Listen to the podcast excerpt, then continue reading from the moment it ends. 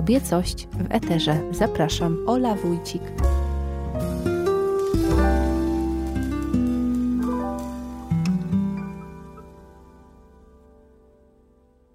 Ja postarałam się o to, żeby przestać się bać tego, co mnie spotkało i żeby się zaciekawić tym. I, I to był twój własny pomysł na to? E, tak, bardzo długo do niego dochodziłam, bo się okazało, że właściwie w pewnym momencie przyłapałam się na tym, że nie mogę funkcjonować normalnie codziennie bez bólu brzucha, bez takich psychosomatycznych objawów związanych ze stresem. I nie mogę tak żyć, bo mam tylko jedno życie i tylko na chwilę. I pomyślałam, że muszę coś z tym zrobić, muszę się nauczyć korzystać z codziennego dnia i cieszyć się każdą drobną rzeczą, mimo tego, co się wokół mnie dzieje, mimo tego, co się mi dzieje, co się moim bliskim dzieje, cokolwiek się w życiu zdarzy, żebym mogła przezwyciężyć ten taki przykurcz, ten taki stres, który wpływa na nas tak strasznie destrukcyjnie. No i długo, długo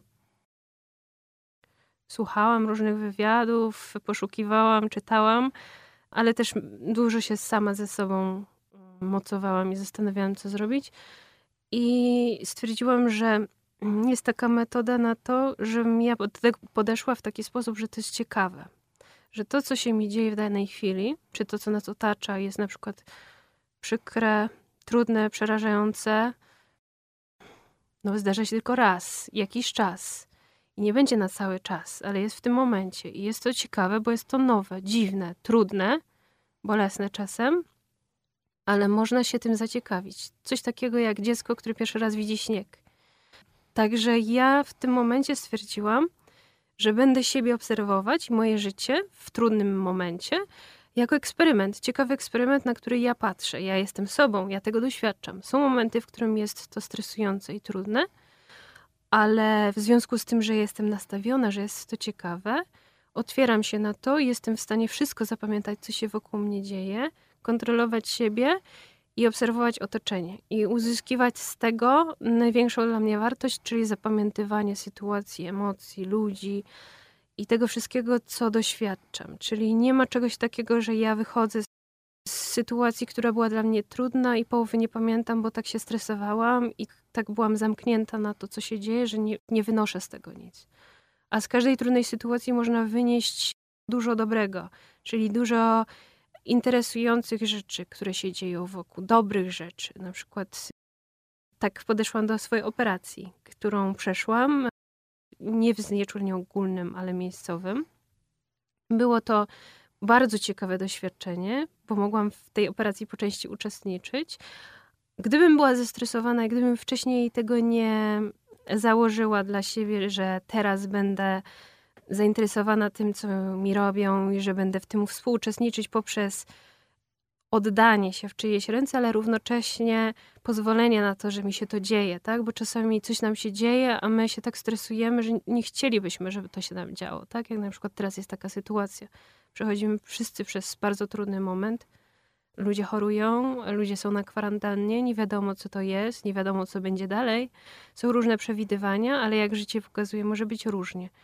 I w tym momencie można wpaść w panikę albo negować wszystko, co się dzieje i twierdzić, że nic się nie dzieje, ale można też podejść do tego w pełni otwartości, być ciekawym tego, co się dzieje, obserwować, zobaczyć, jak ja reaguję, co mogę z tym zrobić, co się dzieje, jaka jest sytuacja w związku z tym i jakoś mądrze cokolwiek z tego wyciągnąć dla siebie, bo z każdej sytuacji, tak jak mówię, można wyciągnąć coś interesującego i dobrego, czegoś się nauczyć. To też nas nauczy pewnej mądrości, do której dojdziemy. Nie wiem, może trzeba zainwestować w służbę zdrowia, może trzeba bardziej szanować zawód lekarza, zawód nauczyciela i tak dalej, i tak dalej. Także w moim przypadku było tak, że rzeczywiście nauczyłam się nie bać. A bałaś się wcześniej? Się. Towarzyszył ci strach tak. w ogóle tak w życiu? Tak. Bałam się, bo wcześniej było też tak, że w pewnym momencie mojego życia miałam wrażenie, że, że nie żyję zgodnie ze sobą. Że nie akceptuję wszystkiego, że nie jestem taka, jaka tak naprawdę jestem, że długa droga przede mną, ale już w momencie, w którym zauważyłam, że ja taka nie jestem, jak chcą inni, żebym była, i ja nie muszę taka być, jak mnie inni widzą, jak ode mnie oczekują, żebym była, to przestałam się bać. I rzeczywiście to miało taki. A co było tą niespójnością? Pewien rodzaj grzeczności i takiego z pozoru mojego wizerunku, który był i jest nadal pewnie też źle rozumiany jako młoda, niedoświadczona, pełna czystej, radosnej energii dziewczyna, która ma wszystko, co tylko chce mieć, która ma życie idealne, której jest łatwo i która jest grzeczna. I rzeczywiście wydaje mi się, że bardzo dużo kobiet się z tym boryka, że wobec kobiet, młodych dziewczyn jest bardzo dużo takich oczekiwań. A wracając do tego tematu z, z tym strachem, wydaje mi się, że jak człowiek, przynajmniej w moim przypadku zawsze mówię o sobie, bo nigdy nie wiem, jak to jest u kogoś innego i cokolwiek tu mówię, to jest, wynika z mojego doświadczenia. Ale rzeczywiście takie poznanie siebie, spojrzenie w głąb siebie i stwierdzenie, że składam się ze światła i z cienia, z tego co dobre i z tego co złe, nie jestem idealna. I nie muszę niczego, a mogę wszystko. Tylko to, co chcę lub czego nie chcę, muszę wiedzieć mniej więcej, a to się może zmieniać. I taka czułość wobec siebie, w momencie, w którym pojawiła się w moim życiu taka większa uważność na to, że ja jestem ja, taka jaka jestem, i muszę to zaakceptować, i muszę to obserwować, i nie muszę z tym nic robić, i nie muszę dla nikogo nic robić, żeby udowodnić to, że się nadaje, że warto. Naprawdę dużo było takich, ale wydaje mi się, że każda kobieta dwudziestoletnia przechodzi przez taki okres, kiedy odkrywa, że tak naprawdę to wszystko jest takie bardzo, bardzo złożone i że na przestrzeni lat y, wszystko też się wyjaśnia jej samej. Wyjaśnia się to, co ona właściwie chce od życia i to też przychodzi w naturalny sposób, bo kiedyś wydawało mi się, że ja muszę wiedzieć, co chcę, a teraz wiem, że najważniejsze jest też nie, wiedzieć, czego się nie chce. I że to bardzo ułatwia, że jak wiesz, że czegoś nie, nie chcesz, przynajmniej w moim przypadku, to już wtedy podejmujesz jakąś decyzję według tego. I to bardzo pomaga. Także ja nie chciałam w tamtym momencie się bać tej operacji i tego wszystkiego, przez co przechodziłam. I rzeczywiście udało mi się przejść e, taki próg. Czyli zastąpiłaś strach ciekawością. ciekawością. Tak. Bo takie mówienie nie bój się, nie bój się niekoniecznie działa. Nie, absolutnie. Wręcz przeciwnie, nawet można powiedzieć bój się jak chcesz, popłacz sobie jak chcesz. Teraz masz moment na to, żeby było strasznie, bo jest strasznie i może być trudno. I każdy z nas ma takie momenty, kiedy powinien dać ujście tym emocjom nie można sobie ich tłumić. Natomiast można zrobić sobie trochę tak, jak się robi dziecku. O, zobacz, jaki piękny ptaszek na drzewie. Zaobserwuj, jak, jak pięknie się porusza, albo skoncentruj się na, na czymś, co lubisz, czyli na gotowaniu. Coś takiego, co jest interesujące, co może oderwać Twoją uwagę, a potem już nawet nie zauważasz tego, że kolejne rzeczy, nawet trudne, które ci się pojawiają, to sobie myślisz, o kurczę, wyzwanie, ciekawe. W szpitalu taka brzydka, brudna ściana, jak za komuny. Hmm, ciekawe, już pewnie nigdy tego nie zobaczę. To jest takie interesujące, jaka brzydka, brudna ściana. I mnóstwo, mnóstwo takich różnych rzeczy, na przykład w szpitalu często jest bardzo ciasno i obok nas przybywają też ludzie bardzo, bardzo chorzy i przechodzą różne, różne procedury w szpitalu onkologicznym. I jest to przerażające, jest to trudne i jest to smutne. Natomiast starając się zachować takie poczucie intymności swoje i innych, w tym momencie, kiedy byłam świadkiem, czy przechodziłam przez to, obserwowałam to trochę tak, jak, jak się obserwuje film. Czyli doświadcza się życia swojego własnego. I to było ciekawe, bardzo ciekawe. Bardzo ciekawe w kolorze, w takim sensie, że, że nie składało się tylko ze zła i z ciemności, z zmroku i ze strachu. Wręcz przeciwnie, miało mnóstwo różnych wymiarów. Bo to jest życie.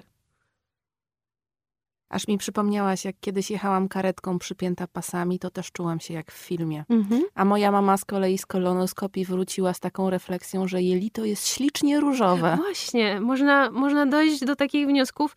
Ja zresztą nazywam moją operację piękną operacją, bo to była piękna operacja. Srebrzysta. A Srebrzysta to już taki tytuł, który Małgorzata Czyńska nadała tej wystawie, co totalnie mnie zaskakujące, ale rzeczywiście ten tytuł pasował idealnie. Ona napisała zupełnie niezależnie od moich prac, zainspirowaną wędrówkę. W ogóle niezwykły jest ten esej Mm, Piękny, piękny, warto przeczytać. o lipie srebrzystej. Tak. W ogóle symbolika drzewa, takiego odrodzenia i takie odradzania się jest mi bardzo, bardzo bliska. Pojawiają się te drzewa w moich obrazach, no i Małgosia świetnie to wyczuła i, i w tej takiej podróży w głąb ciała, aż do drzewa, do natury. Właśnie kiedyś miałam takie ciekawe spotkanie, mam szczęście do ludzi, na szczęście. Także dziękuję za zaproszenie, bo wydaje mi się, że. No właśnie... ja jestem wzruszona, że się nam wreszcie udało spotkać, chociaż przed każdym tym wywiadem łapię jakieś przeziębienie, to wreszcie tu jesteśmy. Udało I się. chyba wreszcie mogę powiedzieć, kim jesteś, bo nie zdążyłam cię przedstawić, ale to dobrze, że to się tak naturalnie odbywa. Katarzyna Karpowicz, wielka malarka, Absolutnie nie. przyjechała z Krakowa. Dziękuję Ci bardzo. Nie czuję się wielką malarką. Jestem po prostu zawód jak każdy inny. Mm, Robię to, co kocham. I naprawdę bardzo to jest wzruszające, że tak, tak mnie przedstawiasz tak, i tak mnie widzisz. Ja siebie tak absolutnie nie postrzegam. W ogóle zabawa z dzieciństwa mnie urzekła i tu nie wiem, czy już możemy tak płynnie przejść Proszę. do Maurin. Proszę, tak. To jest coś, co właściwie o tym wiesz tylko ty. I... Super, uwielbiam. I jeszcze pan Wojtek Tuleja z Galerii Art, który tak naprawdę w przyszłości poświęci temu moją wystawę i wydamy, mam nadzieję, jakiś piękny katalog do tego, bo właściwie to jest, zasługuje na taką książeczkę, album, trochę jak opowiadanie dla dzieci, trochę jak opowiadanie dla dorosłych, nie wiadomo co. Dla wewnętrznego dziecka. Dla wewnętrznego dziecka, dokładnie. Także Maureen pojawiło się ten pomysł na postrzeganie tego, co robię w ten sposób, żeby określić wszystkie te obrazy imieniem Maureen. Pojawił się w drodze powrotnej z Gdańska do Krakowa, czyli jednak okazuje się, że odrobina wakacji i przerwy w pracy powoduje, że człowiek się dystansuje do wszystkiego, co robi i jest w stanie z dystansu i z taką energią większą i ochotą do pracy i tęsknotą za pracą, przynajmniej w moim wypadku, ja zawsze tęsknię za pracownią i z wakacji bardzo chętnie wracam, nie mogąc się już doczekać, aż zacznę nowe płótno i zacznę nową historię. Także w trakcie tej podróży miałam ze sobą mój notatnik, pióro i zaczęłam pisać pomysły na wystawy. Bo rzeczywiście dostałam propozycję wystaw już na 2021 i na 2022. Wystaw indywidualnych. I te wystawy będą się odbywać w różnych miastach. Pierwsza Lublin, później Gdańsk, kolejna Kraków, no i później Warszawa z wystawą Maurin. I ja o tej wystawie już wcześniej myślałam, że chciałabym bardzo pokazać takie peregrinacje postaci, która przypomina Franza Kafkę, która pojawia się w moich obrazach. I jest to taki chłopiec, bardzo taki delikatnej urody, który przypomina Franza Kafkę, ale nim nie jest, bo ja nie maluję ze zdjęć, ani nie odnoszę się do żadnych materiałów. Nawet nie chcę w żaden sposób odnieść się do autentycznej postaci. Natomiast gdzieś ten typ krąży. To jest taki młody Picasso, to jest taki, taki Franz Kafka i on się pojawia i znika. Czasami jest dziewczynką, czasami jest staruszkiem, czasami jest jakąś młodą postacią pędzącą przez ulicę, czasami gdzieś zagląda przez okno. Pojawia się w moich obrazach z ulicami, ale nie tylko. Myślę, że pojawia się w różnych obrazach i i stwierdziłam, robiąc te notatki, wychodząc od tego Franca Kawki, że to jednak nie jest Franz Kawka. I stwierdziłam, że jednak to chyba jestem ja, że jestem to ja, ale W też... ogóle dużo ciebie jest w twoich obrazach, w tych spojrzeniach Tak. i, i figura, i włosy tych bohaterek, bohaterów. Tak. Wydaje mi się, że każdy malarz po części maluje siebie, ale w przypadku moim to jest jeszcze chyba mocniej naznaczone, bo ja rzeczywiście odnoszę się do własnych doświadczeń, do własnych snów, do własnych jakichś marzeń, jakichś wizji. Zapożyczam dużo ze swojego życia, zapożyczam nawet części ubrań i po prostu to, czym się otaczam, no, kieruje mną moje własne poczucie estetyki, a to, w jaki sposób maluję, to kieruje mną to samo poczucie estetyki. A w związku z tym, że nie korzystam z żadnych materiałów, tylko z własnej wyobraźni, to w normalny sposób y, jest to po prostu przeniesieniem mnie po części do tych obrazów. I stwierdziłam, że co ja najbardziej chciałabym dla mojego malarstwa, i zawsze to powtarzam, to jest dowolność interpretacji. Czyli nigdy nie byłam w stanie zrozumieć, co artysta chciał przez to powiedzieć. Czyli Takie znienawidzone Tak. pytanie z lekcji polskiego. najgorzej, bo ja zawsze rozumiałam każdy wiersz na opak. Każdy wiersz, bo każdy rozumie to wedle siebie. I w momencie, w którym jesteś w życiu, odbierasz sztukę tak, jak jesteś w stanie to w danej chwili odebrać. W ogóle wszystko tak odbierasz. I to Dokładnie. Stąd są te znaki, że czasem billboard coś do ciebie mówi, bo Tak, to jest w punkt tak. do twojej myśli. Dokładnie. Ale też, też jest tak z miejscami, z duchem miejsca. Czyli gdzieś na przykład ktoś ci poleca, koniecznie wybierz się tu. To jest niesamowite miejsce i naprawdę dla niego było niesamowite odkrywcze, a ty tam jedziesz i nie czujesz tego. Natomiast na przykład polecasz komuś w zachwycie jeszcze coś innego, a ten ktoś w danym momencie przyjdzie w danym nastroju i zupełnie innym momencie tego miejsca i tego otoczenia i nie zaiskrzy. Mało tego, jesteśmy świadkiem tego samego wydarzenia i ja zapamiętam coś Tak. innego niż ty. To jest Tak. niesamowite. Albo wychowuję się w tym samym domu i moja siostra pamięta zupełnie inaczej taką ja mam samą tak sytuację. samo z moją siostrą. Totalnie po latach inaczej. to odkrywamy. Tak, my tak samo.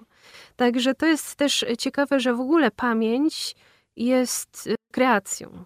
Czyli to, w jaki sposób my pamiętamy przeszłość, jest po części tym, kim my jesteśmy, jacy my jesteśmy, jaką mamy wrażliwość. Czy jesteśmy na przykład nadwrażliwym dzieckiem i zapamiętamy sytuację, która dla innego dziecka, które nie jest nadwrażliwe, byłoby w ogóle czymś innym niż dla nas. No to jest bardzo ciekawe. No ale wracając do Maureen. Wracając do Maureen, po części się to z tym wszystkim wiąże, bo tutaj opowiadam o tym, że odbiorca w danej chwili, stojąc przed moim obrazem, może się w ten obraz zanurzyć, jeżeli chce, i być częścią, dokładnie, częścią tego obrazu. Może ten obraz wzbudzić w nim jakieś wspomnienia, może przywołać coś, może mu się śnić, może przypominać mu coś osobistego. I rzeczywiście tak się zdarza, że poprzez moje obrazy poznaję ludzi, którzy opowiadają mi historie z tych obrazów, swoje własne. Na przykład, że maluję czyjegoś dziadka, który wyglądał identycznie i, i maluję sytuacje, które już były. Także ja też się w tym odnajduję, bo ja po części malując intuicyjnie i malując też z doświadczeniem to, co dokładnie chciałabym namalować, ale jest w tym dużo, dużo takiej swobody i wolności, którą sobie zostawiam, żeby ten obraz, żebym ja prowadziła obraz, ale żeby też pozwolić na to, żeby obraz mi też coś podpowiadał w trakcie pracy. Czytałam to w innym wywiadzie z tobą o tym wyjmowaniu obrazu, że te sceny są już gotowe w twojej Tak. głowie, ale jednak trochę za tym obrazem podążasz. Tak. To jest takie wydobywanie obrazu z siebie i rzeczywiście to jest jakby takie otwieranie nowej historii. I ja, dla mnie ta historia jest tajemnicą. I w trakcie, kiedy ja maluję, ta tajemnica Czyli ty nie widzisz intryguje. tego tak, to nie jest jak taki rzutnik, który Nie, absolutnie nie. te przezrocza, co się kiedyś, wiesz, Tak, tak. oglądało. Nie, nie, właśnie niektórzy malarze tak malują, że ustawiają rzutnik, odrysowują to, co im się rzuci z rzutnika na płótno, po czym kontynuują malując już po swojemu. Natomiast w moim przypadku nie można by było nawet takiego po- porównania zastosować, bo jedyne, co ja wiem, to jest mniej więcej kompozycja i atmosfera, jaką chcą uzyskać. A potem pojawia się błękitna kulka. Na przykład. Albo twarz, którą gdzieś zapamiętałam, albo czyjeś oczy, albo czyjeś spojrzenie, albo czyjś układ ust, albo jakiś gest. I w trakcie tego komponuję kolejne postaci, właściwie maluję wszystko naraz. To też jest tak, że, że to wszystko naraz powstaje. To nie jest tak, że, że jedna rzecz wywołuje drugą. Nie do końca. To jest tak, że ja, może trudno sobie to wyobrazić, może trzeba było być w pracowni i obserwować, jak to się dzieje. Mam nadzieję, że jeszcze tam kiedyś zajrzę. Zapraszam. To warto zobaczyć wszystko na żywo i warto też podglądnąć warsztat malarza i rzeczywiście tą atmosferę niezwykłą, w której ja mam szczęście pracować, bo to jest piękna pracownia. Ale wracając do Maurin, to żeby wyjaśnić, bo tak opowiadamy o kimś, kto się nazywa Maurin i właściwie jest to dla nas oczywiste, ale ciężko jest to wytłumaczyć. Zacznę od tego, że Maurin to jest imię, które wymyśliłam dla tej postaci, która pojawia się na obrazach. Czyli to jest ta postać, która przypomina Franca Kawkę, ale to jest również ta postać, która przypomina mnie. To jest też ta postać, która przypomina ciebie, odbiorcą. I to jest też ta postać, która się odwraca i właściwie nikogo nie przypomina. Gdzieś tam w tle pojawia się, odsłania firankę w oknie, podąża swoją drogą. W literaturze to się chyba everyman nazywa. Everyman, być może. Może tak, chociaż tutaj jest bardzo spersonalizowane, bo akurat w tym przypadku jest to bardzo osobiste, czyli że to jestem bardzo ja. I wydaje mi się, że też odbiorcy czasami widzą bardzo siebie w tych obrazach też. I nie dlatego, że jest y, bardzo neutralny, bo zwykle ta postać jest bardzo charakterystyczna i nigdy nie jest bardzo neutralna. Więc ludzie, jeżeli się w to wpisują, to rzeczywiście muszą mieć jakąś poniekąd jakieś nawiązanie czy do kolorystyki, czy do sytuacji, czy do wieku, czy do nastroju obrazu być może też. No ale wcześniej był jeszcze obraz twojej mamy. Tak. Moja mama, jak była w ciąży z moją siostrą, a później ze mną, nie było wtedy żadnych takich badań, nie można było zobaczyć dziecka zanim się urodzi. E, I miała jakąś taką potrzebę, żeby narysować portrecik, czy namalować portrecik dziecka, które nosiła w brzuchu. Narysowałam moją siostrę, która się urodziła dokładnie taka sama jak na rysunku.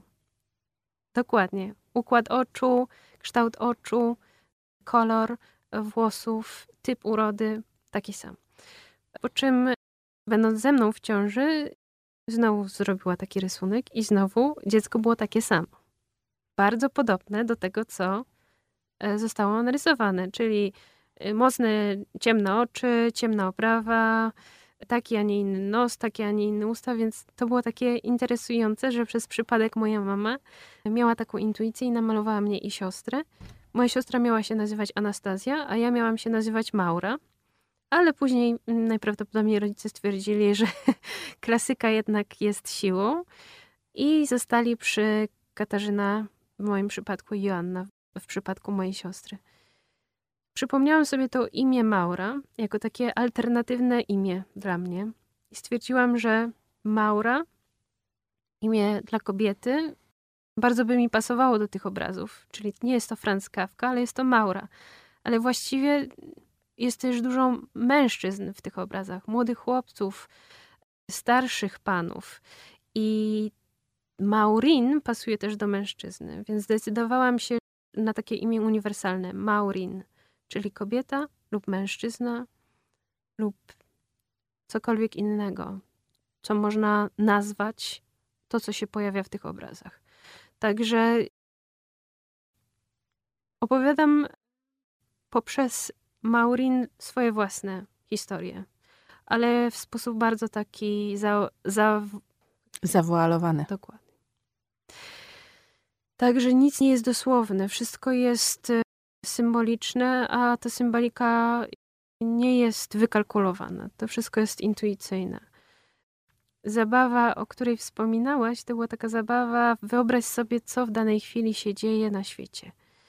I pięknie odpowiedziałaś, e, improwizując, co w danej chwili się dzieje na świecie, w tej chwili. Więc można powiedzieć, że na przykład w tej chwili na świecie jakiś Mały chłopiec w afrykańskiej wiosce głaszcze psa tej chwili na świecie. A jakiego koloru jest ten pies? Jest taki bury, jest bardzo sympatyczny. i bardzo kocha tego chłopca. I na tej zasadzie wydaje mi się, że po części ja maluję obrazy. Czyli podchodząc do płótna, wyobrażam sobie sytuację, wyobrażam sobie atmosferę, wyobrażam sobie to, co nie w tej chwili na świecie, ale w tej chwili w świecie równoległym mogłoby się wydarzyć. Więc e, osadzając tą czy tego Maurin w moich obrazach, e, otwieram jakiś taki kolejny świat, do którego można wejść, w którym można chwilkę pobyć, ale też obsadzam go w roli, którą można też przymierzyć. Można lub nie trzeba, ale. Jak te maski, które pojawiały się we wcześniejszych tak. obrazach. Dokładnie. To są takie maski magiczne.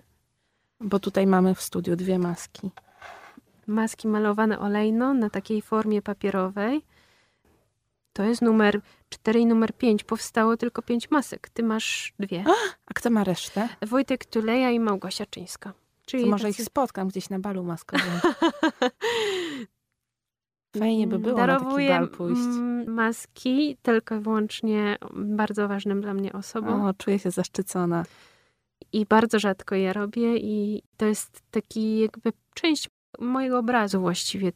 To jest taki artefakt no to, to dziecko płacze, ale nie jest takie do końca smutne. Ma kolorowe tak, łzy, tak, kolorowe jak kolorowy łzy. śnieg. A ta kobieta ma miłość na policzkach chyba, tak. tak dla mnie. I ma jakieś trzecie oko na czole. Intuicję. Super. No ja jestem zachwycona. Mam nadzieję, że zakwas z buraka. Dostałem cudowny zakwas z buraka, muszę Państwu powiedzieć. E, jestem e, zachwycona, Sztuka dlatego na miarę sztuki. Naprawdę dla mnie jedzenie jest wielką sztuką i zakwas z buraka to jest wielki, wielki sentymentalny powrót do dzieciństwa, ponieważ mój dziadek, który był pilotem, Alojzy Wiejak, robił taki zakwas i codziennie rano, będąc u dziadków, piłam ten zakwas.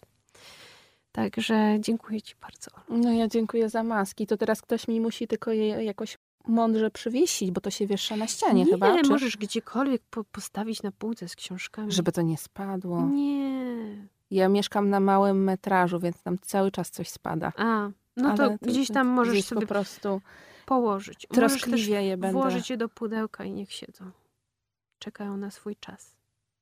Na ten bal maskowy, Dokładnie. na który pójdziemy. Dokładnie. Dobry pomysł. A co by tak było, jakbym kiedyś na wernisażu dała wszystkim takie maski? Nikt by nikogo wszystkim. nie poznał. Każdy by przymierzył jakąś maskę. No tu nie wiem, czemu mi się przypomniał ten film Oczy szeroko zamknięte. A, tak, rzeczywiście. Tam jest upiorna atmosfera. No tak, no tak, ale nie, te moje maski są trochę inne niż te w Stanleyu Kubricku, także. A skąd się wzięła pierwsza maska u ciebie na obrazie? Pierwsza maska powstała w Budapeszcie, bo ja przeprowadziłam się do Budapesztu swojego czasu. I uczyłam się też węgierskiego. Byłam w Budapeszcie, byłam na mszy w kościele i umierałam ze śmiechu. Tak, bo to jest ugrofiński z tej rodziny, e, nie wiem czy wiesz, oni nawet nie mają rozróżnienia między kobietą a mężczyzną, więc jak mówisz, że byłaś z koleżanką, to nie możesz użyć rodzaju z nią, bo tylko jest bezosobowo. Poprzez kontekst określasz, czy mówisz o dziewczynie. No to czy... bardzo pasuje do Maurin. Rzeczywiście. Nawet nie pomyślałam. Coś, co się przejawia w człowieku po prostu. Tak. A byłam z przyjacielem i nie jest powiedziane, czy z nią, czy z nim. Nie. I musisz poprzez kontekst wyjaśnić. Dziwne, ale interesujące. I właśnie próbowałam to zgłębić, bo nie wiedziałam, jak długo e, przyjdzie mi tam mieszkać, więc musiałam się tego węgierskiego nauczyć, bo Węgrzy są trochę jak Hiszpanie. Nie wiem, czy doświadczyłaś takiego. Byłam w Hiszpanii. Mhm. Ciężko jest czasami po angielsku się dogadać z nimi, chociaż uczą się w szkole, ale myślę, że mm, nie mogą się przełamać, żeby tak wejść e, z tym do przodu. Niektórzy tak, w większych miastach. Natomiast. Chyba jeszcze gorzej jest z Francuzami, takimi A. prawdziwymi. No nie, nie doświadczyłam tego, ale... Ja się kiedyś z portugalską babcią na migi dogadałam jak musiałam, bo to już była sytuacja taka podbramkowa. A widzisz, ale babcia chciała, a Węgrzy czasami są tacy niezgłębieni i tacy zagadkowi, że doprowadziło mnie do tego, że zaczęłam malować te maski.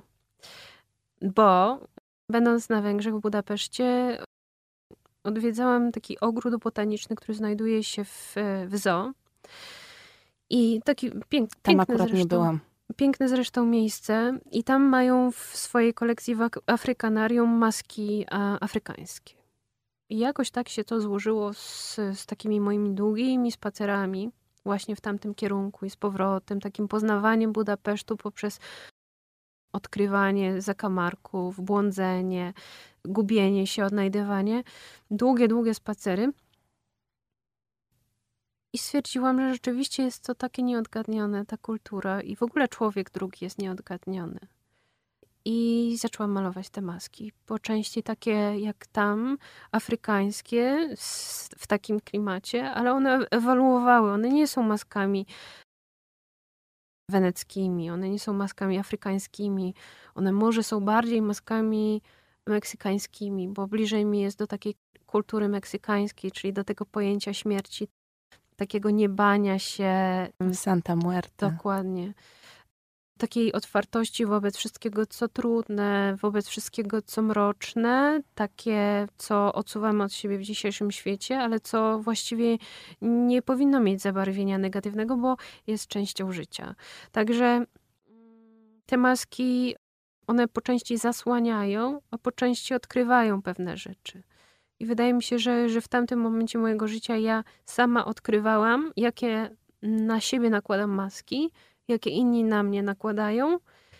I, i po części mogłam te maski zacząć od siebie odsuwać. Ale czy możliwe jest w ogóle zdjęcie maski? Nie, Postaci się, twoich że... obrazów czasami w chwili pocałunku zsuwają maskę. A, proszę. To piękne. Myślę, że tak. Są takie momenty, kiedy przed najbliższą osobą jesteśmy w stanie, czy przed sobą samym, tą maskę uchylić. Musimy nawet. Są takie momenty, kiedy jesteśmy totalnie nadzy i to jest piękne, ale maski też są piękne i maski są nami, częścią nas. Czyli ty nie krytykujesz tego, że nosimy te maski? Nie, nie. Wydaje mi się, że zależy jak się do tego podchodzi, tak? Bo jeżeli jest to maska fałszywa i nie wynika w żaden sposób z twojego życia, tylko jest to jakaś kopia jakiejś kopii, i ty sobie to nakładasz po to, żebyś być totalnie kimś innym niż jesteś, no to to jest okropne. No to, to prędzej czy później to życie to weryfikuje Oczywiście. i to bardzo widać. Jeśli coś jest takie niespójne z nami, tak. to o tym mówiłaś na początku. Tak. Ale na tych obrazach te postacie, które maluję, cały czas te maski uchylają. To jest poprzez to, że widać fragment ich twarzy, bardziej się jeszcze koncentrujemy na, na tym błysku oka, na, na wyrazie kąciku ust, y, na uchu, na włosach, na, na dłoni. Także poprzez to, że zasłaniamy, też odsłaniamy. Poprzez to, że na chwilkę widzimy gdzieś tam fragment oka albo fragment twarzy, widzimy czasem więcej, widzimy tą nagość, tak? Nie pokazujemy wszystkiego, ale ujawniamy coś na chwilę. Na chwilę odsłaniamy prawdę, po czym to przysłaniamy, bo prawda też nie musi być dla wszystkich. Nie o wszystkim musimy wszystkim mówić, tak? Nie zawsze musimy pozbywać się tej zbroi, tak? Wydaje mi się, że dla niektórych bycie w pewnej roli jest ochroną. I są tak wrażliwi ludzie, którzy tylko tak są w stanie cieszyć się życiem i wyjść do ludzi i też się z nimi cieszyć tym, że są tacy, jacy są, a później na przykład w domowych pieleszach, gdzieś przy kimś, komu naprawdę ufają, czy gdzieś obok własnej mamy, czy, czy z babcią, z kim kto jest związany, naprawdę pokazać, kim się jest i zdjąć totalnie tą maskę.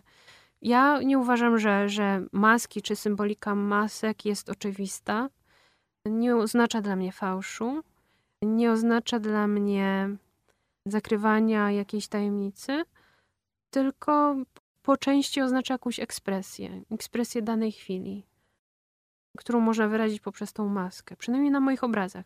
A jak jest w życiu, no to każdy musi sam zdecydować. Ja wiem, że to chyba nie byłoby możliwe, gdybyśmy wszyscy po prostu byli tacy, jacy jesteśmy, bo wszędzie. wszędzie nie? Bo pewne sytuacje wymagają od nas pewnego zachowania. Pani i... nauczycielka, która jest nauczycielką na wizycie u Dokładnie. dentysty. O jest.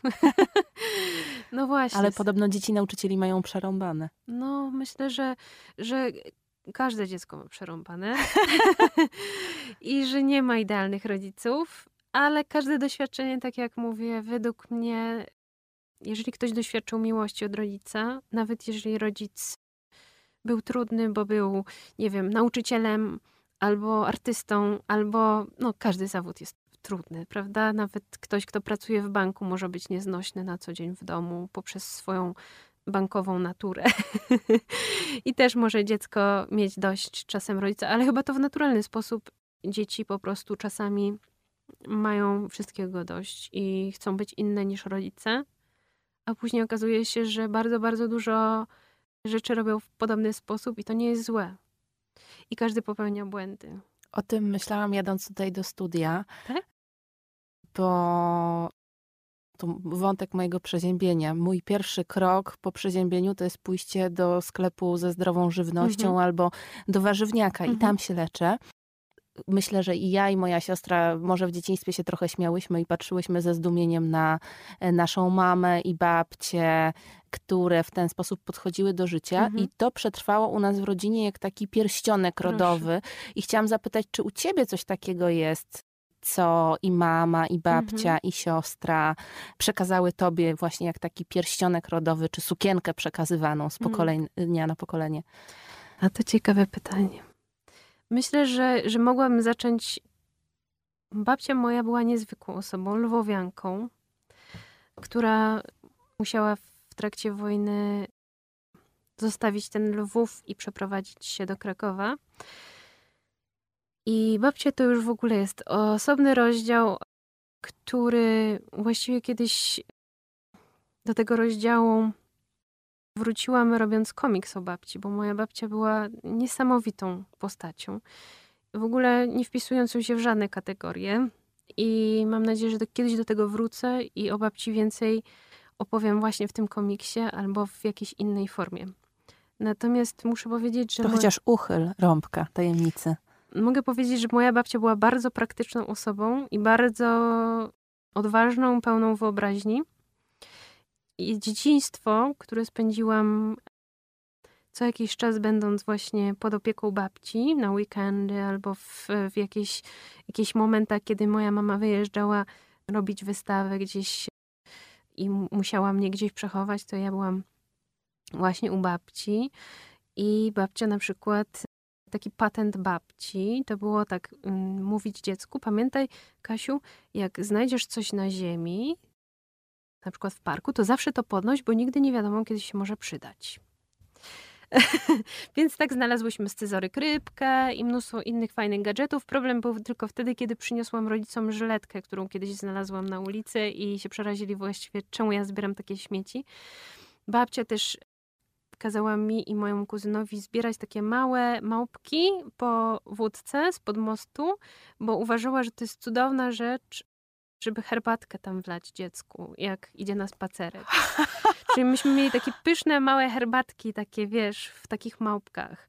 To bardzo higieniczne. Bardzo higieniczne. Nie, ona to wszystko dezynfekowała na tyle, na ile była w stanie, natomiast to było super praktyczne. To było takie bardzo dziwne, bo dzieci Ty lubią korzystasz ze wszystkiego, co ci życie przynosi w ten Dokładnie. sposób. Na przykład, jak masz za małe gumiaki, to obcinasz noski od gumiaków, wkładasz nogi dziecka do worka foliowego i dziecko sobie tak biega w takich gumiakach z otwartym noskiem.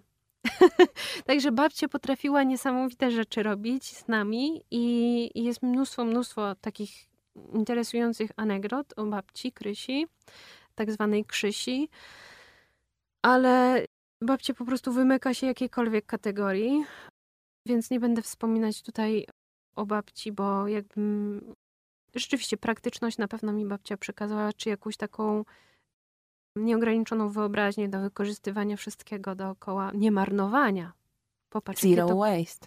Dokładnie. Ona nic nie marnowała, no ale wszyscy dziadkowie chyba nie marnują, nie? Każdy, każdy ma jakiegoś dziadka miał, który nie marnował. Te wszystkie pudełka, które się wynosiło od dziadków z gołąbkami do domu, to one były z lodów, prawda? Otwierasz zamrażarkę, a tam koperek. To taki mem jest chyba. Dokładnie. Także od mojej mamy i poprzez moją siostrę i mnie, to wydaje mi się, że takie bardzo charakterystyczne to jest to, że że my jesteśmy bardzo skoncentrowane na tym, co robimy, bardzo o to dbamy i jesteśmy wielozadaniowe i bardzo pracowite. I cenimy przede wszystkim pracę i taką rzetelność. Czyli wszystkie trzy jesteśmy artystkami i nigdy w życiu nie było takiego momentu, w którym będąc artystką, myślałyśmy o sobie jako o artystach. Tylko jesteśmy malarkami. Czy też moja siostra robi komiksy, jest malarką.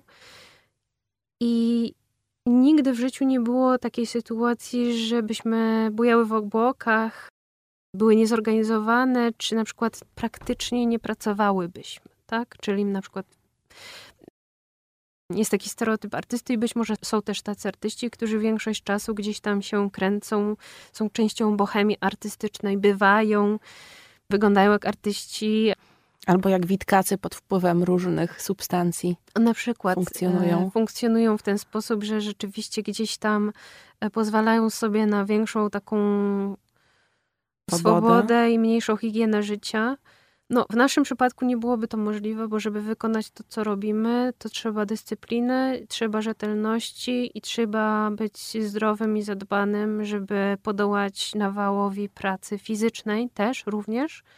Dużej pracy fizycznej, która jest przy obrazach, przy codziennym malowaniu, przy organizowaniu się, przy wystawianiu, przy, przy transporcie obrazów, wieszaniu wystaw, całej organizacji, która wymaga naprawdę, oprócz tego, że rzeczywiście to jest taki zawód, w którym zanurzamy się w takie rzeczy metafizyczne, tak, bardziej duchowe, to jest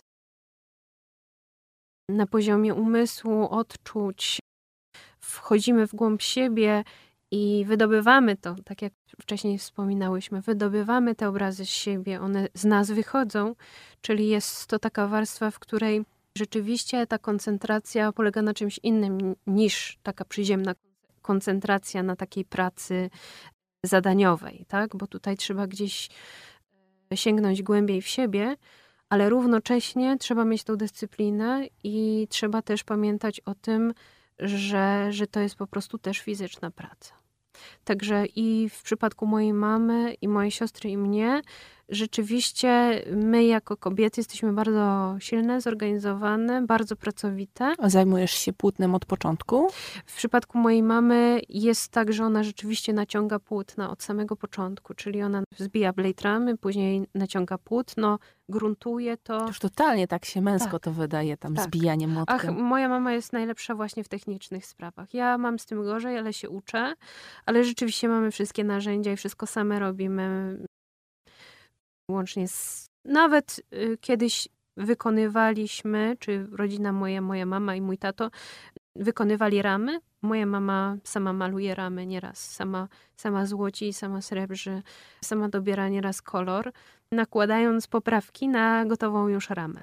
Także ona jeszcze nieraz to wszystko przygotowuje. I to rzeczywiście jest tak, że my wszystkie trzy rozmawiając o kobiecości, od kiedy słucham Twoich podcastów, jestem niesamowicie zasłuchana, bo tak się miło tego słucha i słucham je też w pracowni. Od tego momentu, kiedy Cię poznałam i zaczęłam je słuchać, zaczęłam się zastanawiać nad Twoim pytaniem do każdej z dziewczyn, z kobiet, które zapraszasz, czyli o kobiecości. Czym jest kobiecość, tak? I nie jestem w stanie do tej pory sobie na to odpowiedzieć. Tak, żebym mogła zebrać to w jedną myśl i powiedzieć: tak, to jest dla mnie kobiecość. Jeżeli miałabym to zrobić, to mam taki pomysł, jak mogłabym ci na to odpowiedzieć, ale to już jest totalnie oderwane od tego wszystkiego, co mi się kłębi w głowie, pod wpływem tego, jakie ja kobiety znam w mojej rodzinie, jak one podchodzą do życia i przez co przechodziły, i w jaki sposób sobie z tym życiem musiały radzić, jak sobie poradziły. Jestem otwarta na tą odpowiedź. to ta odpowiedź, która zupełnie nie dotyczy tego mojego konkretnego doświadczenia, o tym, że kobiety w mojej najbliższej rodzinie musiały robić wszystko, zawsze. Zresztą te kobiety z tego pokolenia, kiedy mężczyźni nie byli też tacy pomocni w sprawach domowych, musiały się nauczyć wszystkich spraw na raz, wszystko ogarniać. Ja też sama no, czuję w sobie nieraz taki brak pewnych możliwości, ale nie boję się prosić o pomoc i nie boję się swojej takiej słabości i takich e, stereotypowych problemów kobiecych, czyli że na przykład moja mama jest w stanie sobie wszystko technicznie zrobić. Ona jest w stanie naprawić spłuczkę w toalecie i mnóstwo różnych takich technicznych rzeczy, które ja no, nie miałabym wyobraźni, jak się za to zabrać.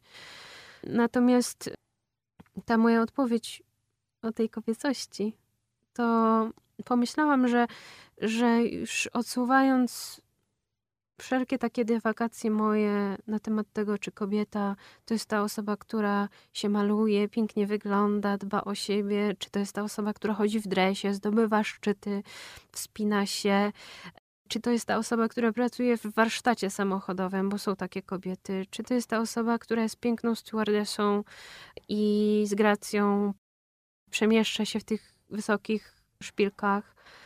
Ciężko mi jest odpowiedzieć na to pytanie. Ostatnio przejeżdżając rowerem przy dworcu w Krakowie widziałam bezdomną kobietę, która była bardzo zaniedbana, ale malowała sobie paznokcie lakierem.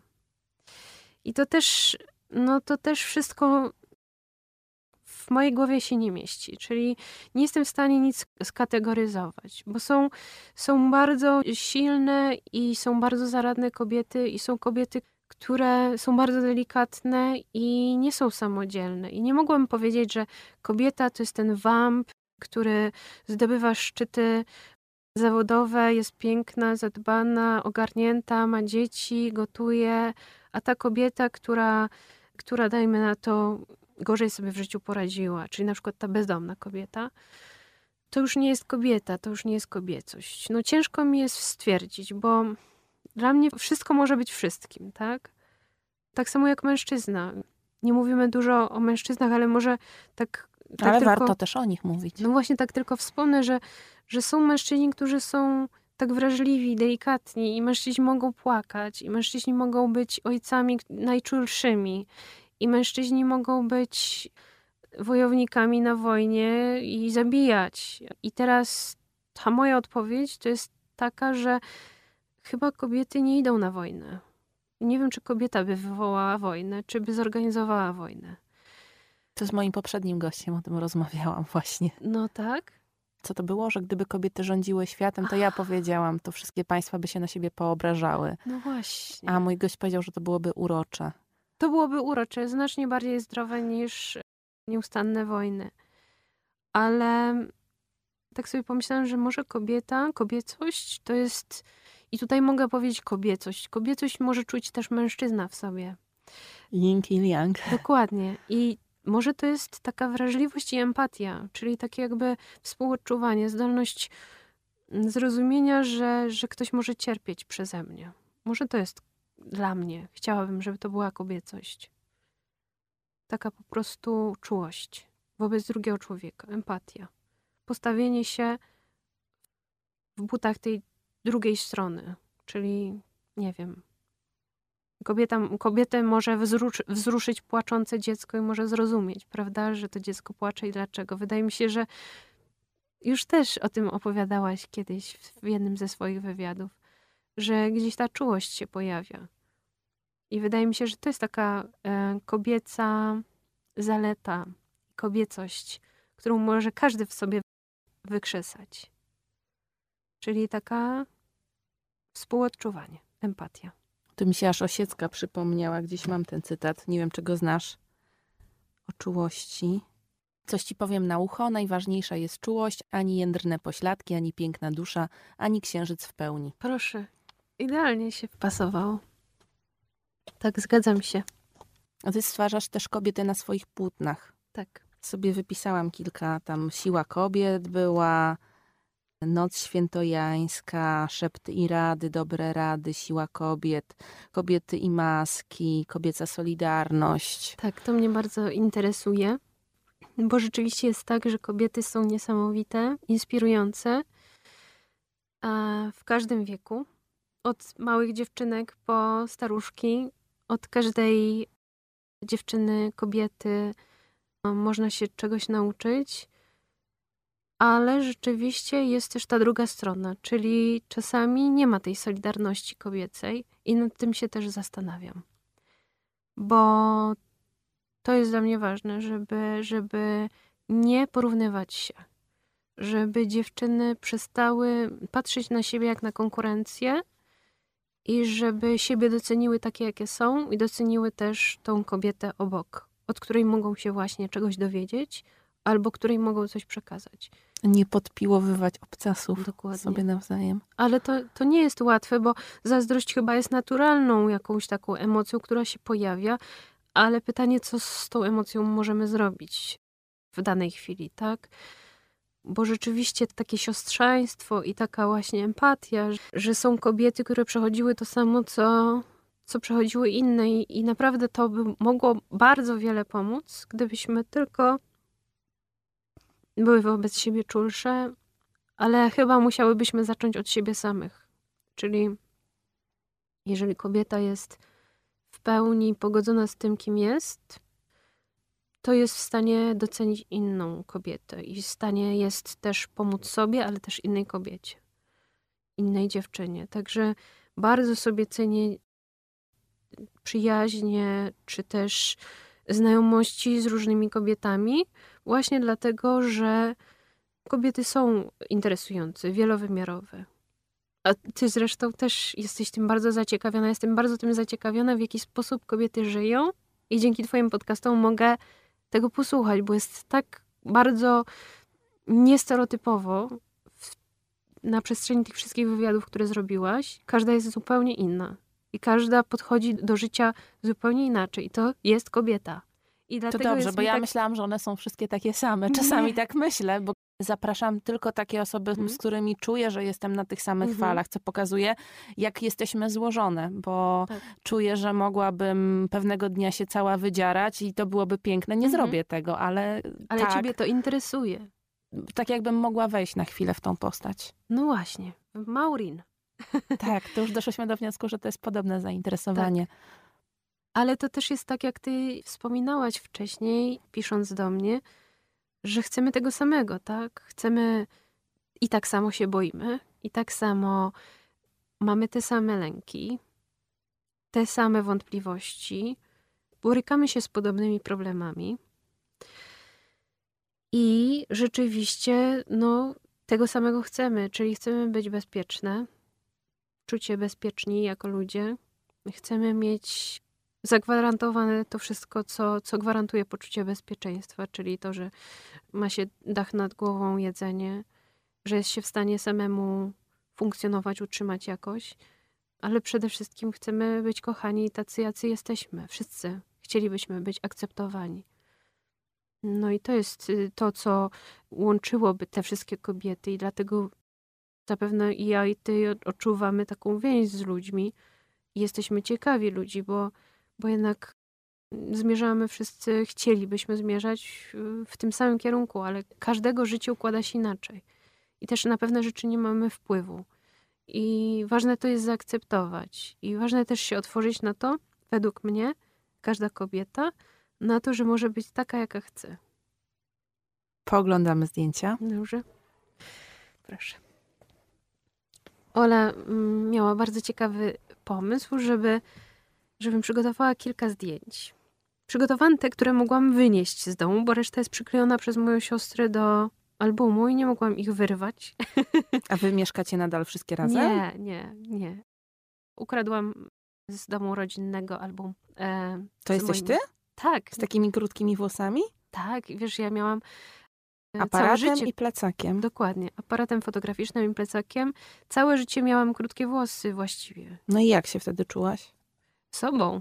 Dobrze się Teraz masz długie włosy. Teraz mam długie włosy, bo dla odmiany chciałam spróbować, jak to jest, mieć też długie włosy, ale rzeczywiście cały taki okres, kiedy dziewczynka zwykle zaczyna się interesować kosmetykami, zaczyna się jakoś ubierać i dbać o siebie.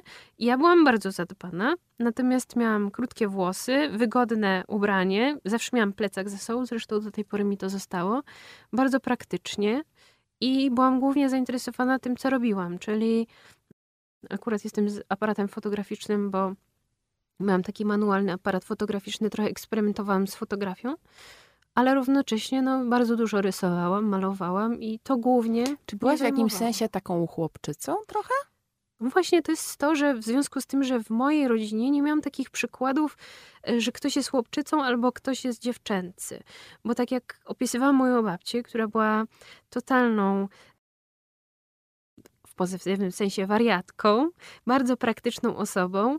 E, tak samo moja mama, która była bardzo, bardzo osobą pracowitą i bardzo też dużą intelektualistką i wybitną malarką, równocześnie fajną mamą.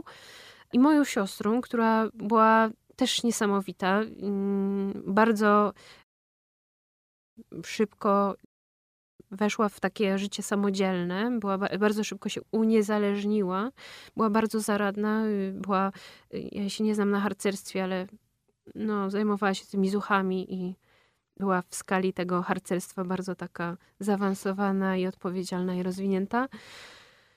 Także ja nie miałam takiego wrażenia, że ja jestem chłopczycą. To, że miałam krótkie włosy, nie wykluczało, że czasami ubierałam sukienki. To, że się nie malowałam, nie wykluczało, że nie czułam się dziewczęco. Ja się po prostu nad tym w danej chwili nie zastanawiałam, bo ja na tym etapie, mając te naście lat, myślałam, że teraz moją rolą jest być uczniem. Trochę w taki japoński sposób. Czyli w tamtym czasie głównie koncentrowałam się na pracy, na rozwoju własnym, na, na zgłębianiu tego wszystkiego, co mnie najbardziej interesowało, czyli na rysowaniu, na malowaniu, na takich sprawach związanych ze sztuką. Także rzeczywiście na tych zdjęciach, jak patrzę na to, bo też pod takim kątem kobiecości właśnie te, te zdjęcia dobrałam, że rzeczywiście wyglądałam jak taki urwis, jak taka chłopczyca. Byłaś urwisem? Nie. Byłam bardzo grzecznym dzieckiem, z wielkim szacunkiem do dorosłych. I rzeczywiście byłam bardzo pokorna. Miałam bardzo dużo pokory w sobie. I, I być może mm, sama narzuciłam sobie taki reżim i dyscyplinę. I teraz też uczę się z tego wychodzić, bo też nie możemy wiecznie żyć w takim rygorze własnym i też musimy sobie dać trochę swobody i odpoczynku. Byłaś nieśmiała? Nie. Właśnie nie byłam nieśmiała. Y, byłam bardzo taka. Nie wiem, ja bardzo się interesowałam wszystkim, ludźmi się interesowałam, byłam w stanie z każdym porozmawiać. Myśmy mieszkali w takim, w takim wyjątkowym miejscu, bo w pracowni Olgi Boznańskiej ja się wychowałam. 12 lat w, w bardzo otwartym domu, przez który przewijali się różni artyści.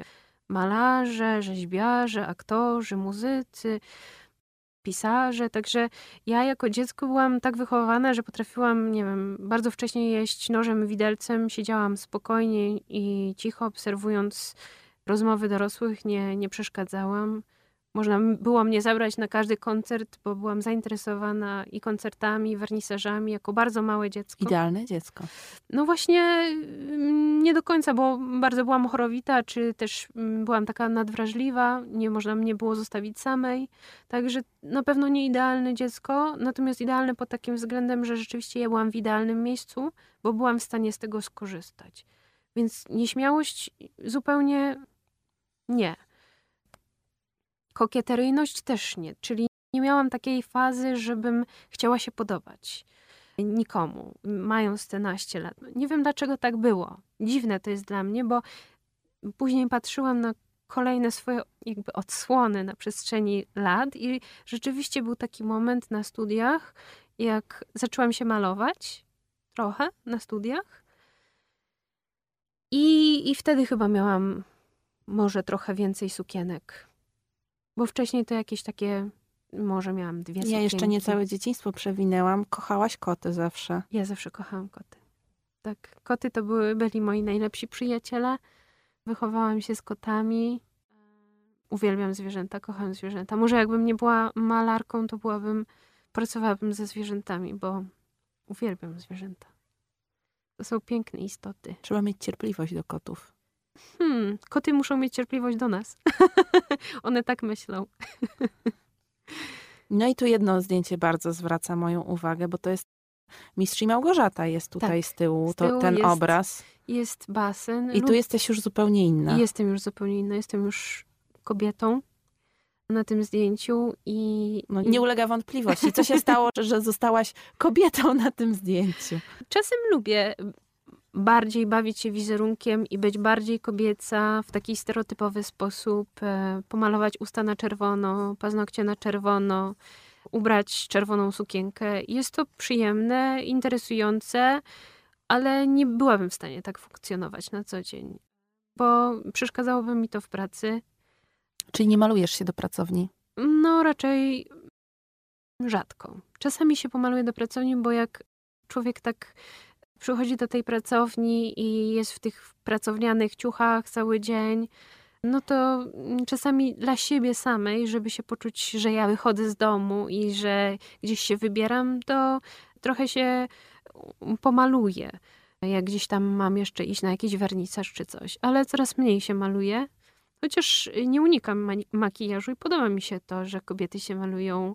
Lubię dobre kosmetyki, lubię dobre kremy, więc ja nie rezygnuję z takiego dbania o siebie w taki sposób stereotypowo kobiecy, czyli lubię ładne ubrania, lubię ładne sukienki, ładne swetry, ale z drugiej strony jest we mnie ta warstwa, która była bardzo silnie ugruntowana w trakcie mojego dojrzewania, czyli najbardziej mnie interesuje, żeby mi było wygodnie i praktycznie, żebym ja mogła wsiąść na ten rower i popędzić do pracowni i malować te 8-9 godzin w pracowni i żeby mi było wygodnie, praktycznie, ciepło, żebym dobrze zjadła i żebym później jak wrócę coś dobrego przeczytała, zobaczyła fajny film i odpoczęła. Także to też jest tak, że że jest jakiś dualizm we mnie. Że, no to jest takie otulające, tak. to co mówisz. O tym ciepłym tak. jedzeniu tak? i o tym takim dbaniu o siebie. I gdzieś widzę taki trend też wśród kobiet, które znam. No pewnie też się obracam w jakimś gronie, nie wiem, podobnym do siebie, mhm. że chyba większy nacisk jest na te rytuały, które naprawdę karmią tak. i służą, i to zarówno jeśli chodzi o kosmetyki, jak i o tak. jedzenie, niż w to, żeby bawić się tak bardzo kolorówką. Tak. Dokładnie, zgadzam się z Tobą i, i, i, i rzeczywiście to jest y, ważne dla każdego człowieka, mm, żeby po prostu poświęcić sobie trochę czasu w taki sposób, który rzeczywiście przyniesie ukojenie. Bo to nie wystarczy gdzieś tam y, odstrzelić się i ładnie wyglądać na chwilę, tak? To trzeba po prostu zadbać o siebie, być zdrowym. Ja mam taki sposób, że pływam, że trenuję, E, chodzę na jakąś tam rehabilitację co jakiś czas, żeby zadbać o, o swój stan zdrowia i od razu wtedy czuję się bardziej kobieco, bardziej zadbana, dopilnowana ze wszystkich stron. I każdy człowiek chyba powinien mieć na to czas i możliwości też, żeby się nad sobą pochylić w ten sposób. Ale no, nie miałam w rodzinie takich przykładów, takich kobiet, które nie miałam przykładów kobiet, które byłyby inne niż, niż moja mama czy, czy moja siostra. Takich bliskich kobiet. Co prawda, moja babcia od strony taty była bardziej taką kobietą, która wychowywała dzieci, ale też bardzo ciężko pracowała, bo jej życie było bardzo, bardzo, bardzo trudne i ona pracowała na dwie zmiany w fabryce margaryny w Szczebrzeszynie i, I po prostu była kobietą, którą życie bardzo, bardzo zmęczyło. I która, y, która nie znalazła już później miłości i nie odnalazła się w kolejnym związku, bo pierwszy jej mąż, jak miała 21 lat i miała malutkie dziecko, został zabrany do Auschwitz i zginął tam razem z jej teściem, czyli z, z jego ojcem, a później poznała mojego dziadka Karpowicza, który pojawił się znikąd. Najprawdopodobniej był Ukraińcem, ale nie wiemy, kim do końca był, bo miała z nim czwórkę dzieci i któregoś razu zniknął. I szukała go długo przez Czerwony Krzyż.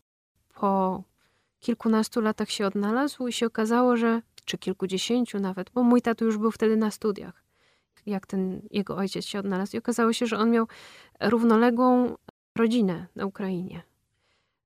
Z dziećmi mniej więcej w tym samym wieku. To już w ogóle jak życie w jakiejś iluzji. Tak, pod innym nazwiskiem i innym imieniem. I później ten dziadek mój, który właściwie był nieobecny przez całe życie mojego ojca, chciał mojego tatę poznać, bo był z niego dumny, że mój tato mm, został profesorem na krakowskiej akademii, był malarzem. Mój dziadek też był malarzem. Nie wiadomo, kim był. Dlaczego tak się stało? Dlaczego miał tą podwójną tożsamość? Gdzieś tam próbujemy dociec, może być to kwestia jakaś polityczna, jakiegoś podwójnego agenta, nie wiadomo o co chodzi. W każdym razie dziadek, dziadek nie przysporzył e, łatwego życia mojej babci i moja babcia była jedynym takim przykładem w mojej rodzinie takiej kobiety, która była bardzo zmęczona życiem. Że jakby nie do końca miała to życie w swoich rękach, tak? W takim sensie, że rzeczywiście był to trudny też czas, prawda, dla wszystkich kobiet w tamtym czasie. Czyli po wojnie, komuna później, bycie samotną matką czwórki dzieci, bo piąte dziecko było starsze, trochę bardziej samodzielne, zostało wcześniej e, samodzielne. Także no, trudna sytuacja, natomiast rzeczywiście bardzo mam takie nieoczywiste w rodzinie przykłady kobiet. Na przykład babcia nie lubiła dzieci. Miała po prostu ich dość.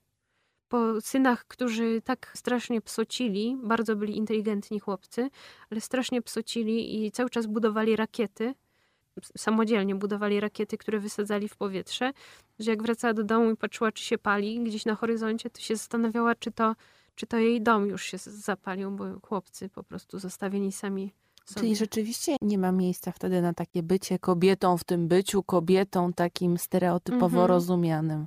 Chyba, chyba może kobiety w mojej rodzinie nie miały czasu sobie pozwolić na to, żeby tak troszkę bardziej pobujać w obłokach, czy też poświęcić sobie taki czas. No niestety.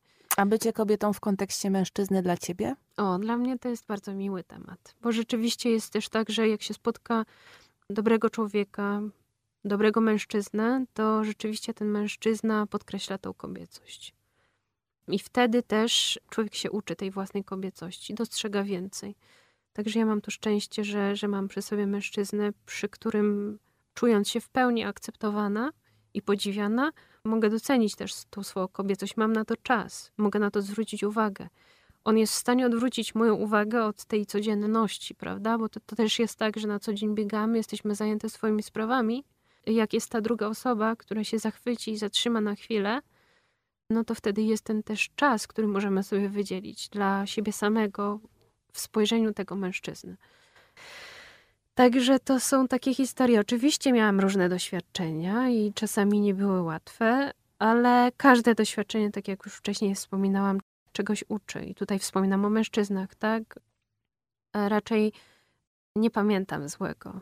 I zawsze z, ze wszystkiego, co, co było i co mnie spotkało i przez co przeszłam, wynoszę to, co jest dobre. Nie jestem. Wiesz, jak mi to zabrzmiało? Zabrzmiało mi to, bo byłam na szalonej liczbie ślubów Aha. w życiu, w tym roku tylko na czterech. I na każdym ślubie z uporem maniaka czytają ten hymn o miłości. Aha. I tam jest na końcu miłość nie pamięta złego. O proszę. Tak mi wybrzmiałaś. Jesteś miłością.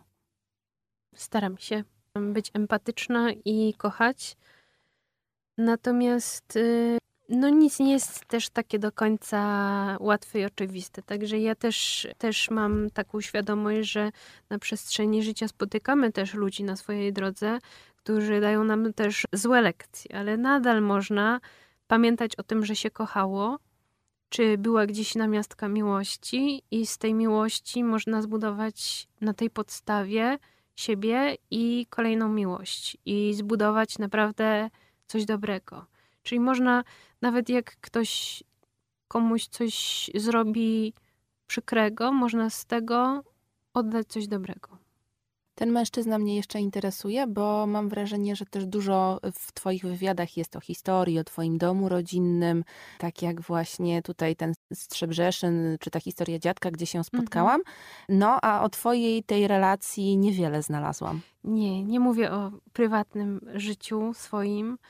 E, nauczyłam się tego. Wcześniej kiedyś miałam większą taką łatwość pokazywania swojego prywatnego życia Mogę opowiadać o rodzinie najbliższych i o przeszłości, o dzieciństwie, natomiast nie daję sobie takiego prawa opowiadać o moim mężczyźnie, bo przede wszystkim jest to osoba, która unika w ogóle social media. Nie ma go chyba w ogóle y, niewielu Mnie takich nie jest. interesuje w ogóle tożsamość. Bardziej chodzi mi o jakieś takie wartości, mhm. które mam nadzieję, że nie są tajemnicą. Chodzi mi o to, że jeśli ty jesteś na świeczniku w mhm. jakimś sensie, robisz karierę artystyczną, mhm. to nie jest takie oczywiste, żeby ci w tym towarzyszyć. Tak, to nie jest oczywiste. Gdzieś nawet jak popatrzeć na historię, weźmy i malarstwa, mhm. to raczej było odwrotnie. Mhm. To on był na świeczniku, a ona gdzieś podsuwała, mhm. nie wiem co, kubki z herbatą mhm. i, i zupę. tak. No i właśnie to jest ciekawe.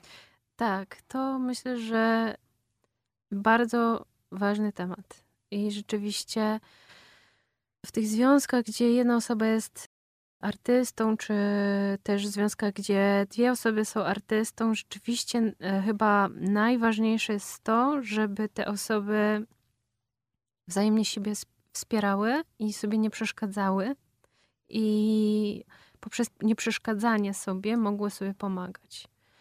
Czyli to musi być rzeczywiście osoba, która w pełni akceptuje to, z czym się wiąże ta praca. Czyli ta praca wiąże się z nielimitowanymi godzinami pracy czasami i czasami ze stresem, czasami z podróżami i też e, z tym, że to jest jednak e, pasja numer jeden, tak? Czyli nie może konkurować ze sztuką.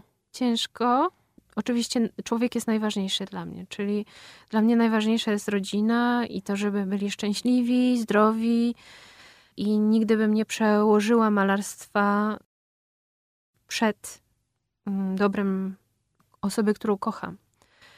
Natomiast jeżeli bym zauważyła, że osoba, którą kocham, limituje mi malarstwo, czy też ogranicza mnie w jakimś stopniu, czy też chcę, żebym była inna niż jestem, a jestem taka, jaka jestem, no to jest ciężko, żeby ta miłość rosła i się rozwijała. Także ja mam to szczęście, że, że jestem z osobą, która sama ma pasję. I sama wie. Czy, czy... Ale też artystyczną? Po części tak, bo hobbystycznie. Natomiast y, zajmuję się muzyką, robię muzykę i też rysuję czyli coś pokrewnego. Poza tym pasja mi czyta książki, kolekcjonuje albumy, komiksy i, i po prostu to jest, tak samo jest y, zafascynowany filmem, co jest dla mnie też... Y, Czyli to jest jednak to pokrewne. podobieństwo odbioru świata. No właśnie to jest ciekawe, bo wydaje mi się, że czasami niektórzy mówią, że pary fajnie działają, jak są przeciwieństwa, a czasami, nie działają. A czasami właśnie mówią, że źle działają ksopokrewieństwa. Czasami też tak mówią, tak? Ale ja uważam, że pary fajnie działają, jak ta osoba spotka tą osobę i oni będą dla siebie dobrzy. Bo to też jest tak, że, że możesz być z kimś, kto jest totalnie inną osobą i możecie spędzać nawet wakacje osobno i nic się złego nie stanie, jeżeli on pojedzie w góry, a ty nad morze z koleżanką i dalej będziecie się kochać i się będziecie rozwijać. Może być tak, że zanudzisz się z osobą, z którą pojedziecie nad to morze i nic z tego ciekawego nie wyniknie, albo nie wiem, cokolwiek. Chodzi mi o to, że rzeczywiście to wszystko zależy od danego typu człowieka, który z tobą jakoś będzie korespondował i który cię pokocha i którego ty pokochasz. Bo rzeczywiście w moim przypadku jest tak, że mój partner bardzo mnie akceptuje, podziwia w tym, co robię, ale też daje mi taką wolność tego, że ja rzeczywiście nic się złego nie dzieje i nie ma obrazy, jeżeli ja wrócę z pracowni o godzinie 10 wieczorem. I on jest w stanie się cieszyć tymi 15 minutami kolacji razem, a później, nie wiem, oglądaniem w serialu czy chwilą rozmowy, którą ma ze mną, i nic się złego nie dzieje. I to też jest tak, że to się sprawdza na przestrzeni czasu, że, że rzeczywiście są momenty, kiedy ja mam więcej czasu, i są momenty, kiedy jestem bardzo zmęczona i muszę poświęcić ten czas sobie. I też mam tą wolność, że nic się złego nie dzieje, ponieważ jestem osobą, która również poświęca czas na swoje rzeczy i też potrzebuje tego czasu, żeby pobyć troszkę w tym, czym, w czym lubi pobyć, czyli nie wiem, zaczytać się, e, czy też jakby zniknąć totalnie w, w trakcie miksowania muzyki, czy też y, robienia muzyki, cokolwiek tam robi. Także y, to mam takie, takie wsparcie i szczęście, że rzeczywiście, że rzeczywiście mam poczucie pełnej akceptacji moich wyborów. Oczywiście cokolwiek się dzieje w moim życiu, ja też pewne rzeczy przedyskutowuję, zawsze ostatecznie podejmuję własną decyzję, ale nie mam nigdy takiego wrażenia, że ktoś próbuje manipulować mną, czy też kierować mną w jakimś kierunku, czy czegoś mi zabraniać, czy coś mi nakazywać. Także to jest wielka wartość. No ale nie ukrywam, że ja musiałam do tego jakoś dojść. Życie to też przyniosło. Ja musiałam się pewnych rzeczy nauczyć i, i nauczyłam się mm, tego właśnie na podstawie tego stwierdzenia, że wiem, czego nie chcę wiem, czego nie chcę, czyli mogę wiedzieć, co chcę, czyli mogę bardziej też zauważać pewne rzeczy, pewne rzeczy wyrażać. Na pewne rzeczy pozwalać, na pewne rzeczy nie pozwalać sobie i innym wobec mnie. To też jest ważne. W ogóle tak się zastanawiałam nad tym, też myśląc o tej rozmowie, że bycie artystą, malarzem to jest olbrzymia szkoła stawiania granic. O tak. Oczywiście, bo jestem nieustannie narażona na ocenę nieustannie. Jestem nieustannie wystawiona na weryfikację jakąś z zewnątrz, czyli odbiorca, krytyk sztuki, galernik, ktokolwiek, kto, nie wiem, chce zakupić mój obraz, kto przyjdzie na wernisaż, chce zobaczyć moją wystawę, każdy ocenia. I nie ocenia tylko obrazu, ale też ocenia mnie.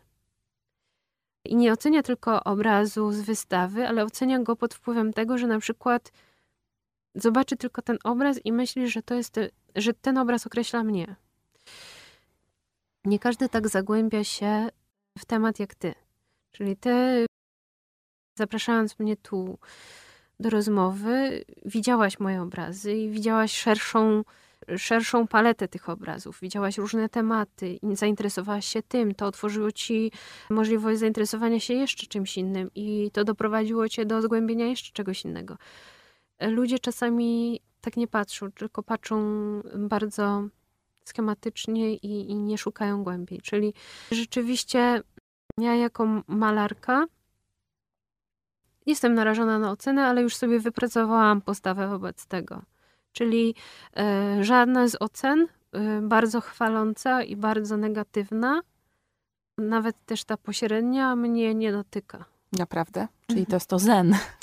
No, daleko mi do zen, bo jestem bardzo taką wrażliwą, emocjonalną osobą, więc nawet jeżeli jest jakaś miła opinia albo na przykład negatywna opinia, to gdzieś to poruszy mną jakoś, gdzieś tam jakieś emocje przyjdą, ale one szybko odchodzą. Ja tych opinii nie zbieram dla siebie. Chyba, że rzeczywiście jest jakiś mój mistrz w danej dziedzinie i ten mistrz praktykuje, jest malarzem i może mi coś powiedzieć, i ja mogę tego posłuchać i mogę zainteresować się tym, co mówi w taki techniczny sposób odnośnie mojego malarstwa. Mogę to przyjąć do siebie lub nie muszę, ale rzeczywiście taka opinia jest dla mnie interesująca w takim sensie, że rzeczywiście e, mogę o niej dłużej myśleć. Ale nauczyłam się e, dla własnego dobra, dla takiego balansu, nauczyłam się nie, nie zwracać większej uwagi na dobre rady. bo to nie chodzi tylko o ocenę, ale ludzie idą dalej, bo najpierw oceniają, a później radzą. Także jeżeli... Czyli nigdy nie zapytałaś o coś na swoim obrazie nikogo? Nie, oczywiście. Ja bardzo chętnie słucham, jak ludzie mówią o moich obrazach, ale nigdy nie zapytałam, co ja mam tutaj na obrazie namalować. To nigdy. Raczej no, to mi się nie zdarzyło, bo ja dobrze wiem, co mam namalować. Poza tym mnie nie interesowałoby, gdyby mi ktoś powiedział, Kasiu, tutaj masz namalować cień, a tu masz namalować światło, bo to już by mnie nie interesowało. To byłoby jakby malowywanie czyjegoś polecenia. A oczywiście, jeżeli to Znaczy polecenie... to niby to jest oczywiście wszystko takie oczywiste. Mhm. Nie wyobrażam sobie, że zapraszasz ludzi i robisz konkurs, kto ci najlepszy pomysł na obraz da. No ale sobie też gdzieś to przekładam trochę też i na kobiecość, że my mhm. jesteśmy nieustannie też oceniane tak. i po wyglądzie, i po tym, jakimi jesteśmy matkami, tak. żonami, tak. kochankami tak. i jakie tam jeszcze role spełniamy. No niestety tak. I chyba powinno być tak, że powinno nam to być obojętne, co tam kto o nas mówi. I powinniśmy sobie, jak chcemy wygodnie się przejść w rozciągniętych dresach, powinniśmy to zrobić. A jeżeli chcemy włożyć szpilki i e, jakieś fajne rajstopy i krótką mini i chcemy też się przejść, tak, to powinniśmy tak zrobić. Bez względu na to, co ktoś o tym powie, bo to jest nasze ciało, nasza decyzja, nasze życie i to życie mamy krótkie i mamy tylko raz najprawdopodobniej i powinniśmy po prostu sobie żyć jak chcemy. No, to się tak weryfikuje y, w takich momentach y, kryzysowych też, czyli wtedy, kiedy człowiek czuje się słabszy, tak? Czyli kiedy przychodzi jakaś choroba albo jakiś problem w życiu danej osoby, to wtedy zauważasz, że tak naprawdę te wszystkie problemy, co ten ktoś o mnie myśli, czy ja dobrze się zachowałam, co oni mogą sobie myśleć, czy oni mnie krytykują, czy mnie kochają, czy mnie nienawidzą, co o mnie mówią, czy mnie akceptują, czy mnie nie akceptują, to wszystko w ogóle nie ma znaczenia.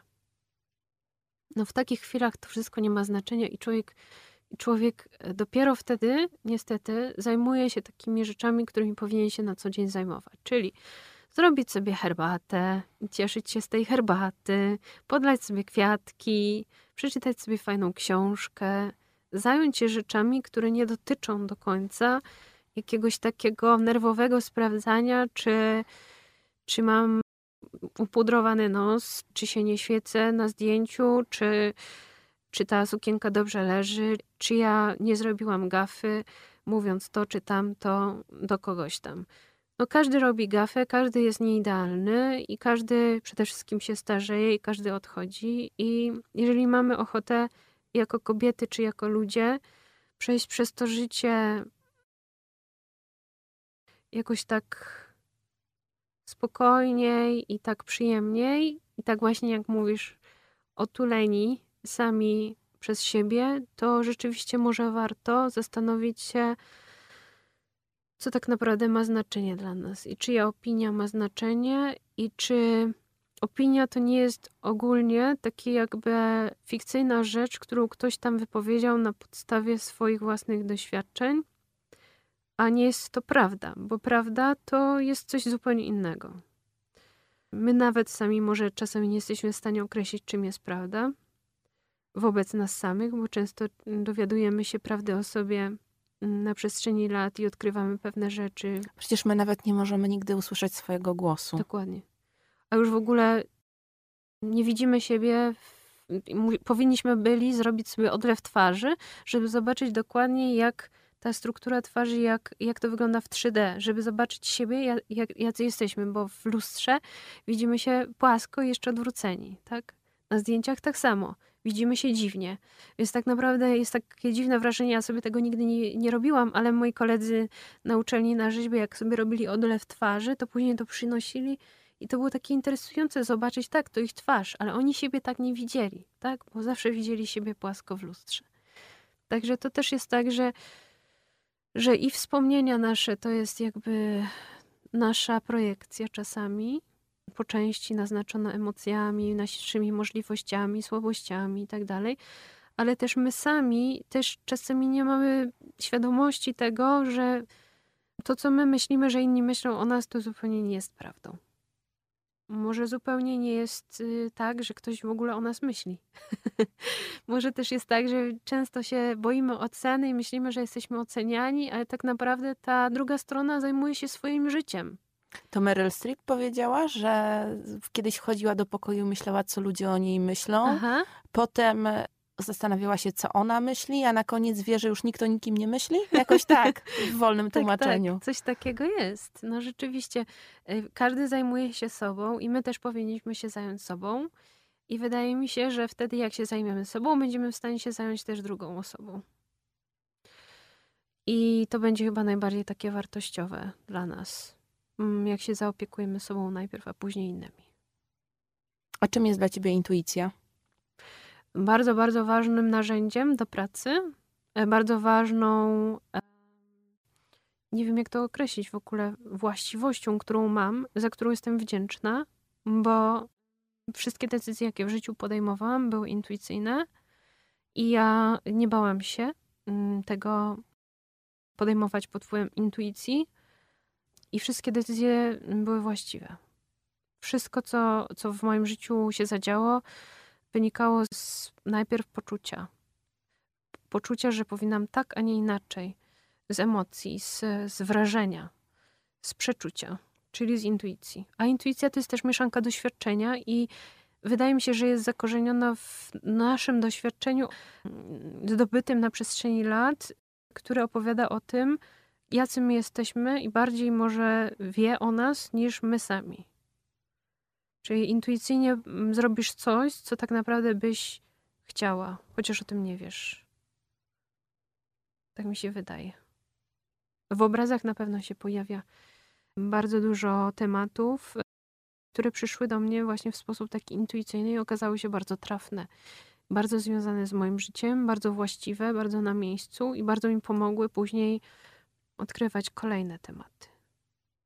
Także ja pod, pokładam wielką nadzieję w mojej własnej intuicji, że będzie mnie prowadziła przez życie, tak jak do tej pory, ale oczywiście rozum i taka decyzja bardziej wykalkulowana też jest ważna, ale nie w takim stopniu jak intuicja.